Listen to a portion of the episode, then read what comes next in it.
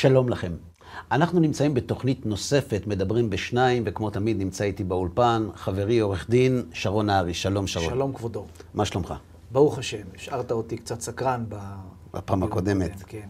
אז בוא נתקדם. איפה, איפה היינו? על מה דיברנו הפעם דיברנו הקודמת? על ארבעה יסודות, אה, נדמה לי רבי חיים ויטל אה, נכון. מנה ארבעה יסודות, עפר, רוח, מים ואש, שבעזרת היישום שלהם והסוד הזה אפשר להגיע לתוצאה הרבה יותר- טובה. עכשיו צריך להפעיל את זה מה... לפועל, איך עושים את זה. בסדר. אז בוא, בוא נסכם בקצרה מה היה לנו. אה, רבי חיים ויטל לימד אותנו שכוחות הנפש של האדם נחלקים לארבעה חלקים. אה, שורשיים, שיש להם תופעות לוואי. דיברנו על הכעס, על הקפדנות, על השנאה, על רדיפת הכבוד, שהשורש שלהם זה הגאווה. דיברנו על אה, העצבות, העצלות, שהשורש שלהם זה חוסר המשמעות. דיברנו על התאווה והחמד, על החמדה והקנאה, שהשורש שלהם היא מידת התאווה. ודיברנו על השקר, לשון הרע, רכילות, ניבול פה, שהשורש של זה, זה כוח הדיבור של האדם. נכון. ואמרנו בפרק הקודם, שככה אנחנו נולדים. זאת אומרת, זה הצד הטבעי שלנו.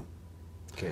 כשאדם נולד, הוא נולד גאוותן, כעסן, קפדן, ממורמר ורודף כבוד, חסר משמעות, עצוב ועצלן, חמדן, קנאי ובעל תאווה, וזה שהוא לא יודע לדבר, בגלל זה הוא לא מקלל ומדבר לשון הרע ומרחל. כן. ואמרנו שהתפקיד של האדם, כך על פי רבי חיים ויטל, להגיע מהקליפה אל הפרי. כי אנחנו מחפשים את האושר. אנחנו דיברנו על אושר בעולם הזה. ורבי חיים ויטל מלמד אותנו שאם האדם מגיע אל התוך, מצליח להפוך את המידות, לא לבטל אותם, לא להרוג אותם, לכבוש אותם, לנתב אותם נכון, הוא מגיע להיות מאושר בעולם הזה. כי, כי מה זה הפרי? במקום גאווה להיות ענוותן, במקום uh, חסר משמעות להיות זריז ושמח, במקום בעל תאווה להיות מסתפק, ובמקום מדבר להיות חכם, כי סייג לחוכמה, שתיקה. שתיקה. נכון. השאלה איך מבצעים את הדברים האלה ופורטים אותם. לרזולוציות שאפשר לבצע אותם. כדי- מעולה. אז בזה אנחנו נעסוק היום. או. אבל, אבל לפני שאנחנו מתחילים, אני רוצה להציג את, ה, את היעד שלנו. היעד שלנו, כמו שאמרנו, זה להיות מאושרים. אני באלף. ש... באלף, כמובן. ואני חושב שכל אדם יסכים שהחכם, הענב, המסתפק והשמח הם אנשים שהרבה יותר טוב להם בעולם הזה. אני מסכים. ובשביל זה קיבלנו את המצוות. אומר רבי חיים ויטל, תדע לך שהתורה, מעבר לעובדה שהיא ניתנה כדי להביא את האדם לעולם הבא וכולי, התורה ניתנה כדי להפוך אותנו להיות אלו שנאמר עליהם, אשריך בעולם הזה. השאלה איך מצוות שנראות כמו מטען מאוד כבד, יכולות להביא אותנו להיות מאושרים, כי הרי אם המצוות מביאות את האדם להיות מאושר, היו עומדים בתור, ושרון, שנינו בדיוק. יודעים שלא עומדים בתור. נכון, ויש כאלה שגם עושים מצוות, גם אני עושה חלק מהמצוות, חלק גדול, ואנחנו לא תמיד מרגישים את, ה, את הצ'ק שנפרע באותו רגע. נכון. אז איפה מסתתר כל הסוד? יפה. רבי חיים ויטל מלמד אותנו שהתורה היא תוכנית אימונים. היא סוג של חדר כושר. כל מערכת של מצוות מפעילה שריר אחר בנפש, מעצבת שריר אחר בנפש. כלומר, יש מצוות שהתפקיד שלהן להביא אותנו לידי ענווה. ואיך יודעים מהן אותן מצוות שהן מתייחסות? אנחנו יכולים ללמוד, אבל המצוות, כשמקיימים אותן עם כוונה, את המצוות שמביאות לידי ענווה, זה מביא את האדם להיות ענב. כשמקיימים את המצוות שנועדו לכבוש את התאווה, זה מביא את האדם להסתפקות. כשמקיימים את המצוות שנועדו לתת לאדם משמעות בחיים, זה נותן לו שמחה. כלומר, כל מערכת של מצוות יש לה תפקיד. ומה שאני רוצה לנסות ללמוד איתך היום, זה מהם, מהן הקבוצות השונות שבהן אנחנו צריכים לה- להשתמש ולהתאמן, ואיך זה בסופו של דבר משפיע עלינו. אז בואו נתחיל עם הגאווה והענווה. אמרנו שהגאווה מביאה כעס, נכון, נכון. קפדנות, מהירות, כבוד, אני צריך להיות ענב. אני זוכר טוב, בתוכנית הקודמת אמרת לי, אבל להיות ענב זה לא להיות... אה, נכון, הרי אתה לא יכול לבוא ולהגיד עכשיו אני או שאתה כאילו, לא אתה רוצה עומד יותר מול שום דבר. השופט, הוא אומר, עורך דין נהרי, מה יש לך לומר? אז אתה אומר, תשמע, אני אפס, אני כלום, כן, אני... לא, בוא תן לו להגיד, הוא נשמע יותר טוב וכאלה, או שמה שאדוני אמר מקובל. כן, הרי- לא לא הרבה קליינטים ימשיכו לבוא בדיוק, אליי. השאלה באיזה, באיזה מידה ענה, וגם בעסקים זה ככה, זאת אומרת, נכון. אתה לא רוצה יותר מדי, ואתה רוצה להיות ענב, אז אתה פוגע ברמה של, של כל הרצון שלך להתקדם גם באיזשהו מובן. יש פה סתירה פנימית. אחד, אתה רוצה להתקדם, גם שכלית, גם, גם ב- במוניטין שלך, גם בהצלחה שלך, גם בכלכלי שלך, ואתה חייב לשאוף קדימה, וזה קצת סותר את הענווה. אתה צודק לגמרי. כי כשאנחנו אומרים עניו, אנחנו ממש לא מתכוונים לדמות הסטריאוטיפית של הזאת. המצליחן. ש... לא, כשאנחנו אומרים עניו, אנחנו לא מתכוונים לזה שהולך חיוור ליד הקיר כפוף, שיורקים עליו ואומר זה גשם. אנחנו מתכוונים למשהו אחר לגמרי. אבל אני רוצה לעשות תרגיל קטן. כתוב בפסוק, עקב ענווה יראת השם. זאת אומרת, אם אדם רוצה להיות עניו, הוא זקוק ליראת שמיים. השאלה היא, במה זכתה הענווה שנאמר בה שהיא זקוקה ליראת שמיים כדי להתקיים, וכל המצוות האחרות, הם... לא, לא, לא, לא צריך לא בשבילם יראת שמיים. למה דווקא הענווה זקוקה ליראת שמיים? אני יכול לחשוב, מכיוון שאם יש מישהו שמעליך, שיש עירייה מהשמיים, שהוא שולט ומנהל את העולם, אז קודם כל, אתה מקבל שאתה קטן לידו. אז כל. אני אפס. לא, אבל קודם כל יש מישהו מעליך. בסדר, גם, גם, בלי הקדוש ברוך הוא יש מישהו מעלינו. מעל כל אחד מאיתנו יש מישהו. לא, אבל לא הבורא, אם, אתה, אם זה עירייה. נכון, אתה צודק, אבל מה ההבדל? אתה, אתה אומר מצוין, אבל השאלה מה ההבדל ההבדל? לדעתי זה שהוא כל יכול שולט בכל וברא אותנו. ואם אתה מבין שהוא יודע מה טוב בשבילך, מה לא טוב בשבילך, אז אתה נהיה ענף, אתה לא נהיה... כן, אבל אני רוצה שידעו מי אני. מה זאת אומרת, אתה תדע מי אני. אני נתתי מילה, אתה תעמוד במילה. לכן אני אומר שיש פה מין סתירה פנימית. כן. אני עדיין לא, לא חושב שאפשר, לא שמעתי את הפתרון לסתירה אוקיי. הפנימית הזאתי. אז תקשיב, הרבי שלי לימד אותנו פעם, שעניו זה לא מי שהולך ליד הקיר כשיורקים עליו ואומר זה גשם, וכשנותנים לו סטירה הוא נותן את הלחי השנייה. עניו זה האדם שיודע בדיוק מה הוא שווה. יש לו דימוי עצמי בשמיים, אבל הוא עניו. מה זה. עניו? אמר לנו הרבי ככה, מי שחושב שהוא אפס ואומר שהוא אפס, הוא גם אפס והוא גם איש אמת. כי הוא גם אומר את מה שהוא חושב, ובגלל שהוא אומר שהוא אפס, הוא באמת כזה. מי שחושב שהוא אפס ואומר שהוא עשר, הוא לא גאוותן. הוא אפס שקרן. כי אתה יודע שאתה אפס, למה אתה אומר שאתה נכון. עשר? אבל מי שיודע שהוא עשר ושותק. או, מי, שאומר, מי שיודע שהוא עשר ואומר שהוא אפס, הוא גם שקרן. כי אתה יודע שאתה עשר, למה אתה אומר שאתה אפס? כי הוא ענב. הוא לא. אז מה? הוא יודע שהוא עשר, למה אתה אומר שאתה אפס? כדי לא להיות גאוותן. אז זהו. הגאוותן זה מי שחושב שהוא עשר ואומר שהוא עשר. הבנתי. והענב זה מי שיודע שהוא עשר. הוא לא אומר שהוא אפס. הוא יודע שהוא עשר, והוא לא חושב שמישהו חייב לו על זה משהו. למה? כי זה לא שלו. הבנתי. כשאני מפקיד אצלך רכב, או שעון, או, או תכשיט, או כל דבר ערך אחר, ואני אומר לך, שרון, שמור לי על זה. אני, אני נוסע לחו"ל, לא רוצה שיהיה בבית, שמור לי על זה. אז אני... אז אתה שומר את זה אצלך, ואז אתה לובש את השעון, נכנס במכונית, שם את התכשיט, ויוצא החוצה ואומר לך, חבר'ה, אני מיליונר! ומראה להם את כל החבילה של הכסף שהבאתי לך לשמור. זה גאוותן, שקרן, זה. שקרן. זה לא גאוותן, זה שקרן. זאת אומרת, הוא מתהדר בנוצות לא לא. נכון. כי מה יקרה אם אני חוזר משדה תעופה, כי אין להיות- טיסות, אני אומר לך, שרון, אתה יכול לצאת מהאוטו, אני רוצה לנסוע הביתה, ואז כולם אומרים לך, שרון, אז אתה שקרן. למה אתה סתם אומר שזה שלך? זה לא שלך, למה אתה, למה אתה זה משוויץ? שקרן. תקשיב, גמרא. הגמרא במסכת נדרים מספרת ששמעון הצדיק, שהיה משיירי כנסת הגדולה, אמר שהוא מעולם לא אכל קורבן אשם נזיר טמא. אדם שנודר נזירות, 30 יום אסור להסתפר, לשתות יין וכולי, אחרי 30 יום הוא מביא קורבן, או אם הוא נטמע באמצע, הוא צריך להביא קורבן ולהתחיל את הנזירות מחדש. מי שנטמע באמצע והתחיל את הנזירות מחדש, שמעון הצדיק לא יאכל מהקורבן שלו.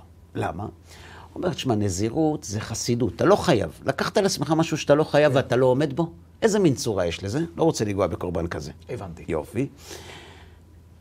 חוץ מפעם אחת. אמר שמעון הצדיק, מעולם לא אכלתי אשם נזיר טמא אלא אחד. שבא אליי נער מן הדרום, והוא יפה עיניים, וטוב רואי, וקבוצותיו סדורות לו טלטלים על ראשו. אמרתי לו, בני, מפני מה ראית להשחית שערך זה הנאה? לא חבל, עד שיש לך כזה טלטלים? אמר לי, רועה הייתי לאבא בעירי. אני רואה צאן ליד דימונה.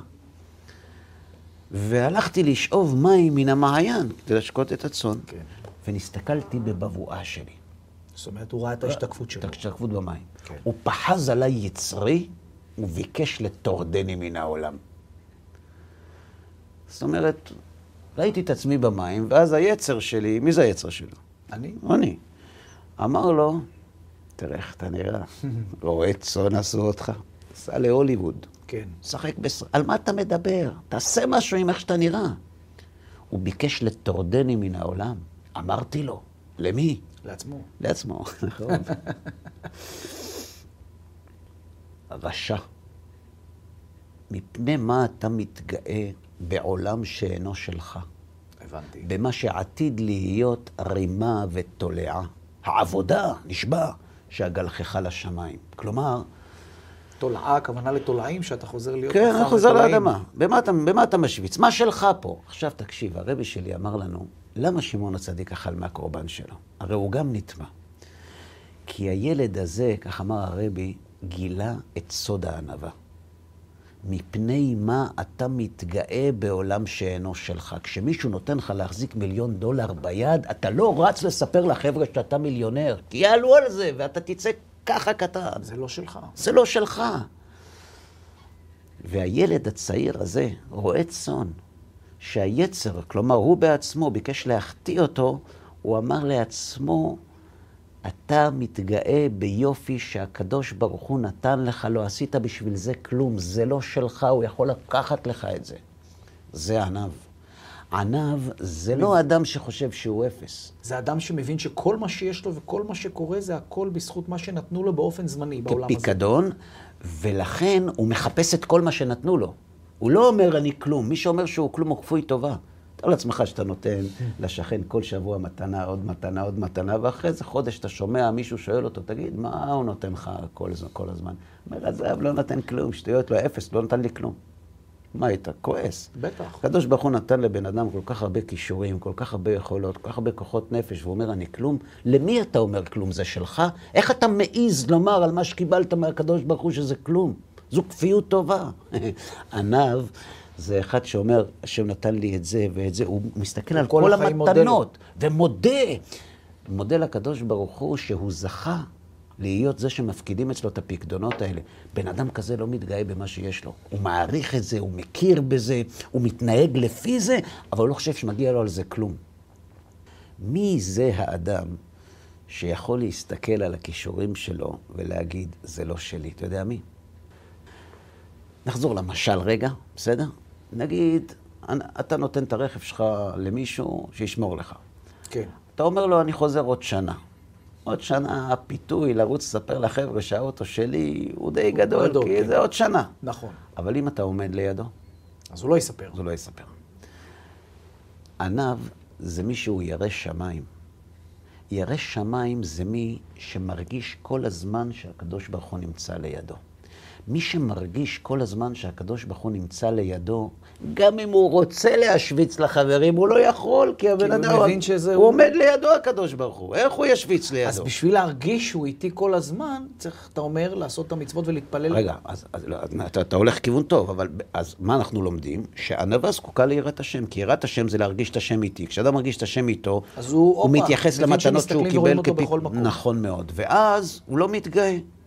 זאת אומרת, אנחנו צריכים, אם אנחנו רוצים להיות ענוותנים, כי ענוותנים הם אנשים חזקים מאוד. אתה יודע למה? אף אחד לא יכול לפגוע בהם. אף אחד לא יכול לפגוע בהם, אף אחד לא יכול להשפיע עליהם. מש, משפילים אותו, מזלזלים בו, מרכלים עליו כמו אבן, לא זז אצלו כלום. אתה יודע למה? כי מי שהוא עניו, הוא מרגיש שהשם לידו. וזה שנתנו לי את הפקדונות האלה להחזיק, זה לא אומר שזה שלי. לכן אם אנחנו רוצים להיות ענוותנים, אנחנו זקוקים ליראת שמיים. וזה שכתוב עקב ענווה, יראת השם. עכשיו השאלה, איך מביאים את היראת שמיים לחיים שלנו? מלדבר על זה, זה לא, לא. קורה. ממעשים זה קורה. יש מצוות בתורה שהתפקיד הייחודי שלהם זה לחזק את השריר של היראת שמיים. אפשר לדעת מה הם? כן, קוראים לזה מצוות שבין אדם למקום. מה זה מצוות שבין אדם למקום? להניח תפילין. כשאדם מניח תפילין, מה הוא עושה? אדם מסתכל, אומר, תגיד, למה אתה, למה אתה שם את הקוביות האלה כאן? אומר, תשמע, הקדוש ברוך הוא ציווה אותי, אני עושה. נכון. כן, אבל איך זה עוזר לך בחיים? לא, לא קשור לאיך זה עוזר לי. השם אמר לי, השם אמר לי, אני עושה.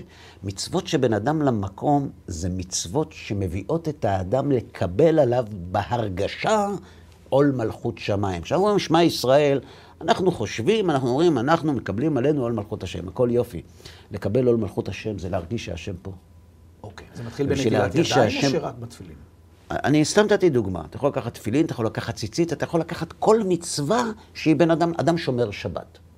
תחשוב שנייה, אדם שומר שבת, מגיע שכן הגוי שלו, אומר לו, תגיד לי, למה אתה לא עובד? אומרים שיהודים אוהבים כסף. הוא אומר לו, מאוד. נו, אז למה אתה לא עובד? הוא אומר, "אה, אני בשבת לא יכול לעבוד. למה? כי אלוהים, הוא ברא את העולם, והוא עצר בשבת, והוא ציווה אותנו שנזכור שהעולם נברא ולא תמיד היה כמו שאומר אריסטו, ולכן כל יום שביעי בשבוע אנחנו לא עובדים. אתה יודע מה זה נקרא? זה נקרא להכניס את הקדוש ברוך הוא לחיים שלי. זה מצוות שבין אדם למקום. התפקיד שלהם זה להביא את האדם להרגיש את הקדוש ברוך הוא, כי כן. ככה הוא יהיה עניו, וכשהוא יהיה עניו, הוא יהיה חזק. הוא לא יכעס, הוא לא הוא לא. יקפיד, הוא לא יהיה ממורמר והוא לא ירדוף כבוד. הוא לא יהיה מסכן. העושר שלו בעין לא יהיה נתון בידיים של אחרים. הרי מה זה, מה זה כבוד? כבוד זה אסון. למה? כי כבוד זה הכסף שלך, כי הוא שלך, אבל הוא נמצא בידיים של אנשים אחרים. כלומר, נכון. אתה זכית ב-100 מיליון, אבל אומרים לך, הכסף נמצא אצל אחרים, הם שומרים לך עליו, וכשאתה תצטרך תבקש, אבל יש רק תנאי אחד, הם ייתנו לך את מה שאתה מבקש כשיתאים להם. זה למות. מתקשר לאחד, אומר לו, צריך את הכסף, אומר לו, אני, הם לא כל כך מתאים לי. מה זה לא מתאים לך? זה שלי. אומר, לא אמרתי שזה לא שלך, זה שלך. תבוא עוד חודש, נראה, המצב קצת ישתפר. כבוד זה דבר שהוא שלנו, אומר מהר"ל ויפרנק, אבל הוא נמצא בידיים של אנשים אחרים. נכון. והטבע של האנשים זה כשאתה מבקש מהם את הכבוד שלך שנמצא אצלם, הם ייתנו אותו בכל זמן שירצו, אבל לא בזמן שאתה מבקש. הבנתי. לכן אין ספק שהענב הוא יותר מאושר, ובשביל זה צריך להכניס את הקדוש ברוך הוא לחיים הרגשיים שלנו, ולשם כך צריכים יראת שמיים שנקנית על ידי מצוות שבין אדם למקום. אז אם יבוא מישהו ויגיד לך, מה, אני רק מצוות שבין אדם לחברו, מצוות שבין אדם למקום שהדתיים יקיימו.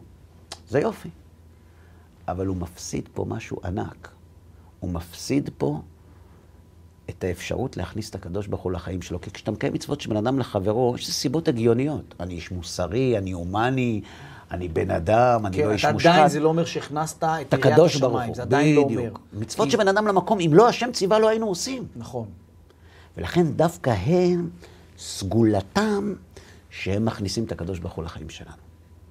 דוגמה למערכת של מצוות שנועדה להפוך את האדם מגאוותן לענוותן ולתת לו איכות חיים בעולם הזה.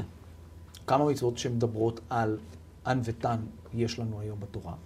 יש, יש סט שלם, יש מצוות שבת, יש בבן אדם למקום, יש. כן. יש הרבה מצוות בתורה, מצוות האמונה, זה מצוות שבין אדם למקום. כל המצוות שלא קשורות להנהגה בין בני אדם, הן נקראות מצוות שבין אדם לאלוהיו. כן. המצוות האלה נועדו להביא את האדם מגאווה לענווה. מדהים. אבל יש עוד סט. יש מצוות עשה ומצוות לא תעשה. נכון. הלא תעשה זה הסט השני. זה הסט השלישי. יש לנו אחד, מצוות של קבלת עול שמיים, שניים, מצוות עשה. מה זה מצוות עשה? נניח תפילין, להתפלל, מצוות עשה. מצוות- חלוקה אז יש נוספת. מצוות אל תעשה. ויש מצוות לא אתה לעשות. מדבר על עשרת הדיברות או חוץ מזה? חוץ מזה, בכל המצוות. יש לנו, יש לנו תר, תרי"ג מצוות, נכון? כן. יש מצוות עשה ויש מצוות לא תעשה, נכון? מה המצוות האלה מועילות לאיכות החיים שלנו? פה. אל תעשה או תעשה? המצוות עשה. אז אתן לך דוגמה. יש אנשים שכשהם מזדקנים, כשהם פותחים את העיניים בבוקר, הם מצטערים שרק תשע. כי היה עדיף שיהיה 12. הם רוצים שהיום יעבור. כן? קראתי על איזה כפר בספרד, אני חושב, או באיטליה, לא זוכר, שקרה שם אסון, כי החליטו לסגור להם את בתי המרזח. עכשיו, הם, הם, הכפרים מאוד, מבחינת השכבה, של הגיל, אנשים מבוגרים, פנסיונרים. ומה היה להם לעשות? הם התלוננו בעיתון. קמים בבוקר ב-10, הולכים, שותים קצת, יושבים, נחים, הולכים, חוזרים בצהריים, ישנים. ימים אחרי צהריים, מפטפטים מהוצאות, הולכים לישון, עכשיו סגרו להם את הקרוסלה. עכשיו אני שואל אותך שאלה. אדם שזה מה שיש לו לעשות בחיים, מה, מה, מה יפתח לו את העיניים בבוקר? זה בדיוק מה שקרה בקורונה עכשיו. זה למעשה מה שקורה היום בכל העולם המערבי. נכון. אנחנו, אנחנו יודעים, יש לנו נתונים, שלארגון הבריאות העולמי, שאני לא יודע כמה היוקרה שלו היום אה, אה, היא אמיתית, אבל הם טוענים שבארבע שנים האחרונות יש עלייה של 50% בעולם בנטילת תכשירים נגד דיכאון. זאת אומרת, אדם מגיע לגיל 65, יוצא לפנסיה. מה, מה נשאר לו? דיברנו על זה בתוכניות הקודמות. נכון, דיברנו על זה מה קודם. נשאר לו? הוא, הוא, הוא, לאן הוא הולך? לשחק קלפים? זאת אומרת, מה, ה- הימים הכי יפים שלו. עכשיו אני רוצה לספר לך על איש אחר. בן אדם שקם כל יום, בן 80 פלוס, כן, בארבע וחצי בבוקר. כן. קם בבוקר, אה, מתלבש, בן 80. 85, בלי שעון מעורר, קם וחצי, יוצא החוצה עוד חושך בחוץ. אם תיקח מצלמה ותצלם אותו שלושה ימים רצוף אחד אחרי השני, ותספור את הצעדים, שים פריים על פריים, תראה את אותו סרט. זאת אומרת, הבן אדם כמו רובוט. אותו סרט. אותו סרט. מגיע, הולך 98 צעדים, מגיע לבית הכנסת. הוא פותח אותו, מוציא צרור, מכניס את המפתח הראשון, לא פותח. השני לא פותח, תמיד רק השלישי. תמיד רק השלישי. תשאל אותו למה לא תכניס ישר את השלישי, הוא אומר, אם לא נכניס את הראשון והשני, אני יודע שזה השלישי? בעיה. נכנס פנימה, מנשק את המזוזה, מה טוב הוא עליך יעקב משכנותיך ישראל, שם את הטלית והתפילין על השולחן. הולך, מדליק את הקומקום, חוזר, אומר ברכות השחר. איכשהו הוא מסיים ברכות השחר, כאילו הקומקום מקשיב לעונה אמן, רותח. מכין לעצמו תה, ואז נכנס השני. כל יום, כל יום.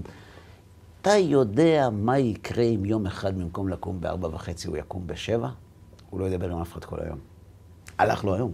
אז הוא אומר לו, סבא'לה, גיל 85, תנוח פרגן קצת, לעצמך קצת. כן. לא שווה לי כלום. עכשיו תזמין אותו לבר מצווה, חתונה, אומר לך, תשמע, אני בערב יש לי שיעור, אני בזה, יש לי זה. לא יכול. לא יכול. אבא שלי, שיהיה בריא, הוא היה נותן שיעור בדף יומי. היה מגיע לשם יהודי, אזרח עובד צה"ל, הוא היה בנאי. הוא לא היה יודע לקרוא גמרא. הוא לא היה יודע לקרוא. אבל הוא היה מביא את התה, מביא את הקפה, כל ערב, זוכר בתור ילד, כל ערב היה בא, מתיישב, מגיש את הקפה, מגיש את העוגיות, שאשתו הייתה מכינה, ונרדם. כל ערב. הבן שלו, חבר טוב שלי, הייתי אצלו לפני שנה. הוא אומר לי, אבא שלי סיים את הש"ס שלוש פעמים. אבא שלי היום כמעט בן 80, הוא יוצא מהבית בתשע וחצי בבוקר, חוזר באחת, אחרי שגמר ללמוד, אוכל צהריים, אין לו זמן, הוא נע חצי שעה, מדבר קצת עם האישה, חוזר ללמוד. הבן אדם הזה תאב חיים. אתה יודע למה? מצוות עשה לא נותנות לאדם לשקוע. אתה צריך להתאים את החיים שלך לזמן. יש זמן תפילה, יש זמן תפילין, יש זמן ציצית, יש זמן לימוד תורה, יש זמן. אתה חייב, יש מישהו שדוחף אותך, זאת זה אומרת, כמו אם שאתה יש במדרגות נאות. משברים בחיים, או פתאום חוסר חשק, או מריבה עם חבר, עם קורה. שותף, או אישה, זה קורה. זה מחזיק אותך. זה קורה שקורה, הדברים האלה קורים לנו. אבל זה תוך כדי התנועה. כשאתה הולך בשדה תעופה, יש לך לא כן. מדרגות נאות, אבל יש לך מין כזה. זה חייב זאת להיות אומרת, חלק אתה יכול מה- להתווכח תוך כדי, אבל אתה זז קדימה, אתה לא נשאר במקום. כי- וזה מה שנותן לך לזוז קדימה. בטח. הם- אתה לא יכול, לא- לא בא לי היום לקום. מה זה לא? זה זמן תפילה, אתה נניח אתה תפילין, לא מה זה- מה זה אתה לא לא יכול רוצה? להיות עצוב יותר מדי, אתה לא יכול להיות כועס יותר מדי, זה נותן לך ל- ל- להיות, אה, אנשים, לחזור. אנשים אומרים שיש מחקרים, אני לא בדקתי, אבל ככה אומרים, שיש מחקרים שאנשים אה, שומרי מצוות, מדד העושר שלהם יותר גבוה, או תוחלת החיים שלהם יותר גבוהה. לא משנה אם זה נכון או לא, זה לא כרגע חשוב, אבל מה שהאנשים שטוענים לא יודעים, זה שזה לא בגלל האמונה בעולם הבא. זה בגלל הסיפוק. והבשביל מה לקום בבוקר שיש להם. עכשיו אתה יכול להתווכח, אני לא שאומרים, מאמין. אני, תשמע, אני, זה לא מספיק. אני לא מאמין, אין בעיה. לא, אני, אני עושה את זה, זה מגניב, סליחה על הביטוי. אני עושה את זה כי ככה כתוב, אני לא אגיד לך שזה מספק אותי יותר מדי, לא, אני עושה והולך, אני מצ- לא נהנה מזה. מצוות עשה לא צריך בשביל ליהנות. מצוות עשה צריך לעשות כדי להישאר על הגלגל. איך אמר פעם פוליטיקאי? בפוליטיקה אתה צריך להישאר גלגל. פעם למעלה, פעם למטה, אבל אתה על הגלגל. גלגל. בדיוק. זאת אותו אומרת, דבר יש גם לך כאן. מצב רוח, אין לך מצב רוח, כן הולך בעבודה, לא הולך. בעבודה, כן טוב. מצוות עשה לא נותנות לך לשקוע.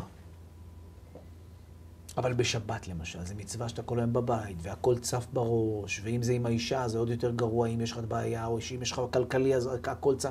זאת אומרת, במצווה הזאת יש גם החמרה של לפעמים של הדברים. אני מסכים. אני מסכים שמי שיש לו קשיים, במסגרת המצוות, הם בא, הקשיים באים לידי ביטוי בצורה כזאת, במסגרת מהש... שלא מקיים מצוות זה בצורה אחרת. נגיד, אם הוא רב עם אשתו בשבת והוא שומר שבת, הוא בבעיה. הוא בבעיה גדולה. כי הוא, הוא באותו... או שיש הוא, לו בעיה כלכלית, אז הכל צף לו בשבת. הוא, הוא באותו תא בכלא, זה כן. בעיה. עכשיו, אם הוא לא שומר שבת, הוא יכול לקום וללכת, זה קצת משחרר. כן. אז בסדר, צריך ללמוד טכניקות, איך להיות באותו תא. ולא לריב. בלי לריב. בסדר, אז צריך ללמוד את זה. אבל אנחנו מדברים כרגע על השיטה.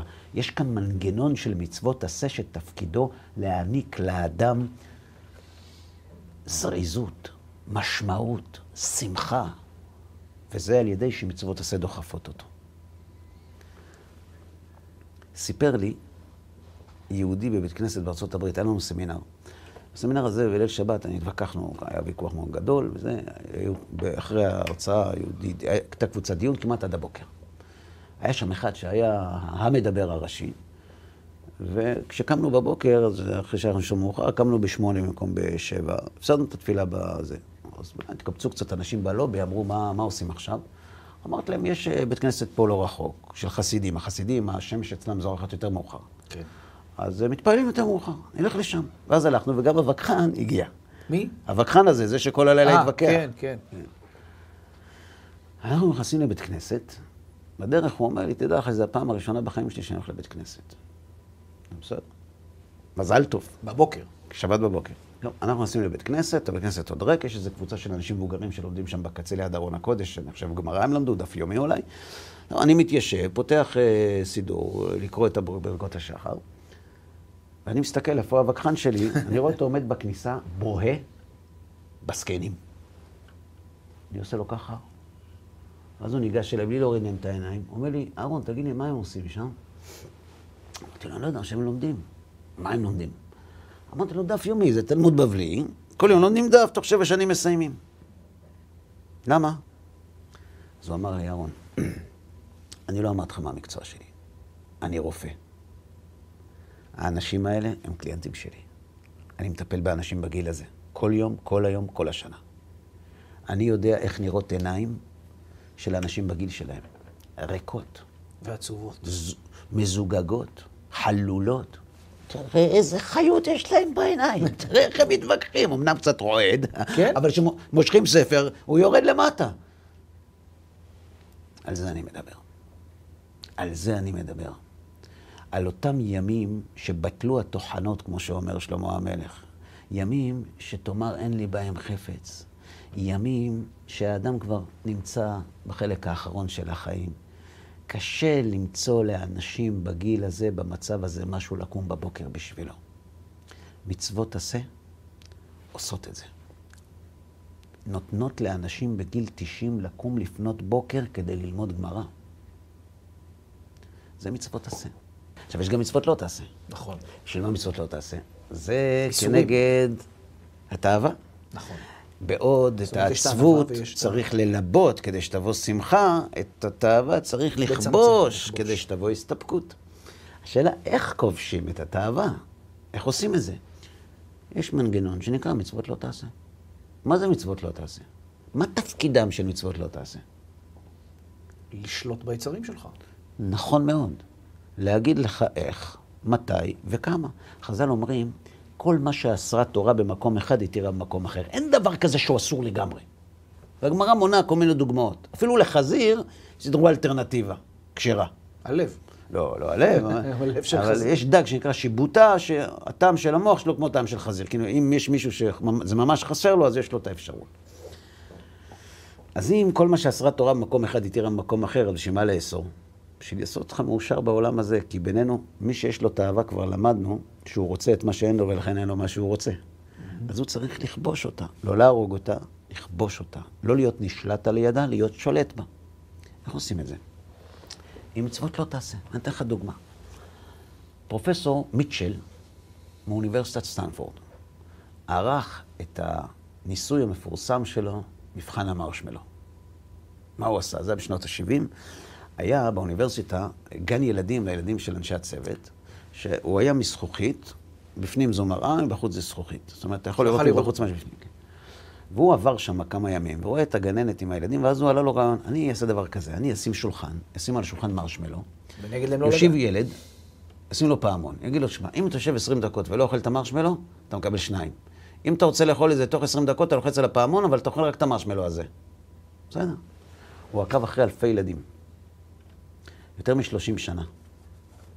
והוא פרסם את המחקר מפורסם, אגב, אפשר לראות את זה גם באינטרנט, והוא אה, מסכם דבר מאוד מעניין. הוא אומר ככה, הילדים שעמדו במבחן המרשמלו,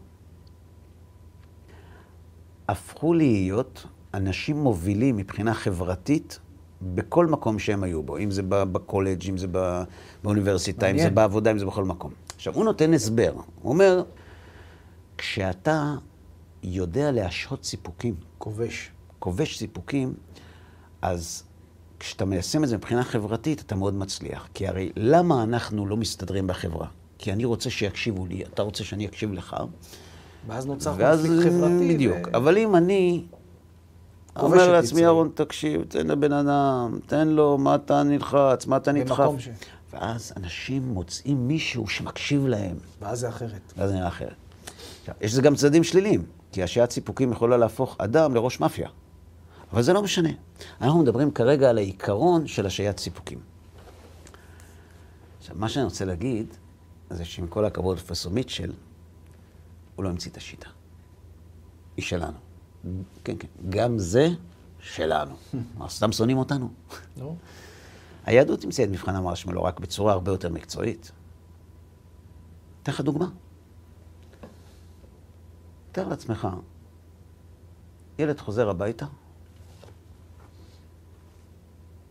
בשתיים בצהריים,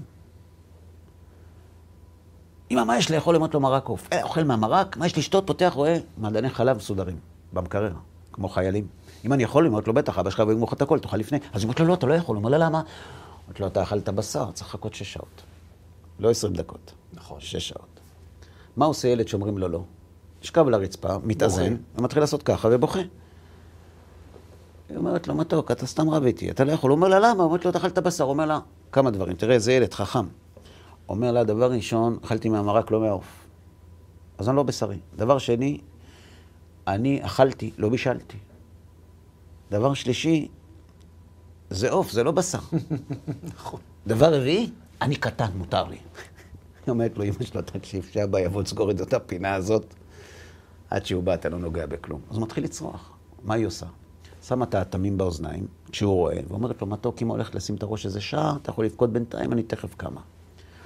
ילדים הם עם מאוד מאוד מאוד מאוד חכם, עם פי שניים כבוד. כיוון שהם מאוד חכמים, הם לא בוכים כשאף אחד לא שומע. אבל מכיוון שיש להם כבוד, הם לא מפסיקים מיד. לוקח להם קצת זמן, כן. אבל הם מפסיקים. האמא קמה אחרי שעה. האם היה חסר מעדן חלב במקרר? לדעתי לא. שעה שלמה, שש שעות. אחד לא היה חסר. ולא רק שלא היה חסר, הוא עשה להם דוקטורט. תאריך תפוגה של כל גביע, לפי סדר הוא יודע להגיד לך. זה מבחן מרשמלו? זה אבא של מבחן נכון. המרשמלו. זה מצוות כשרות.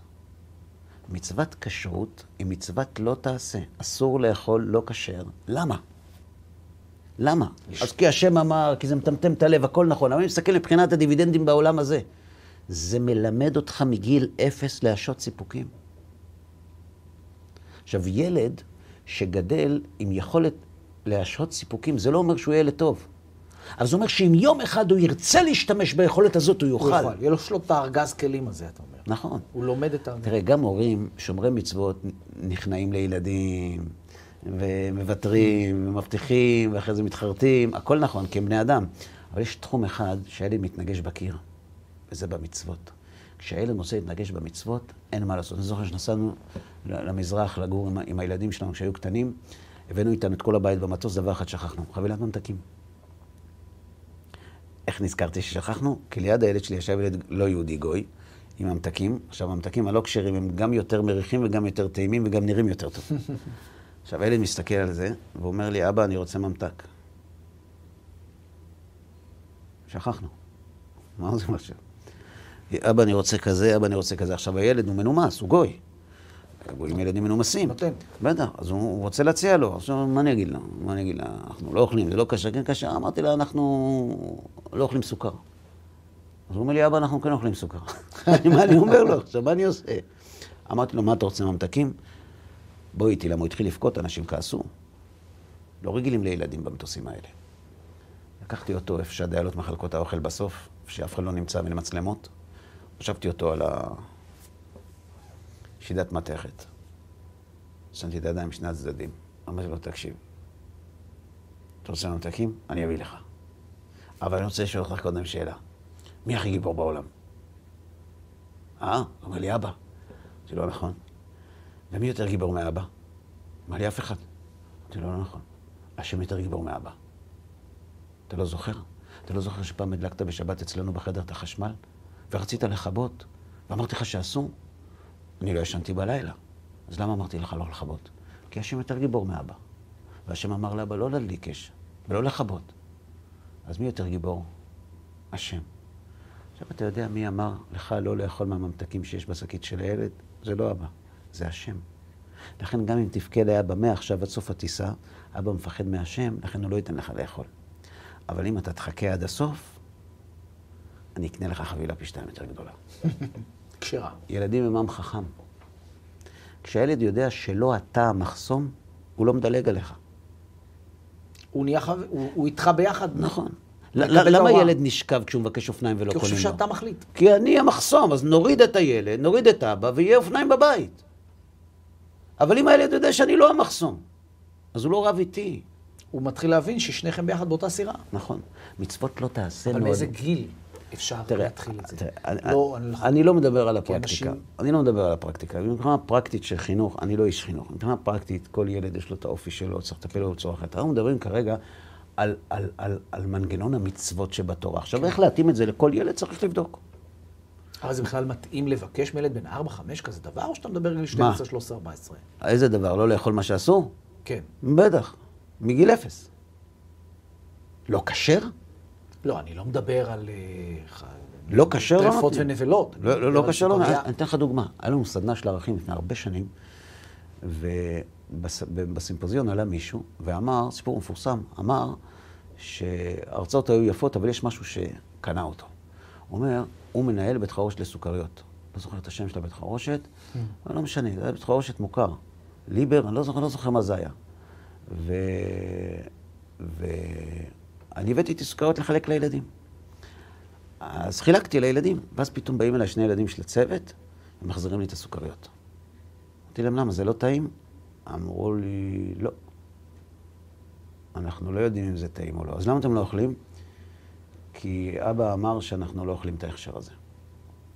עכשיו, בלי להיכנס כרגע לפוליטיקה, הכשר כן טוב, הכשר לא טוב, זה בכלל לא הנושא. הוא אומר, אני יודע מה זה ילדים, אני יודע כמה משקיעים. פסיכולוגים תעשייתיים כדי לצבוע סוכריות כדי לתת לילדים.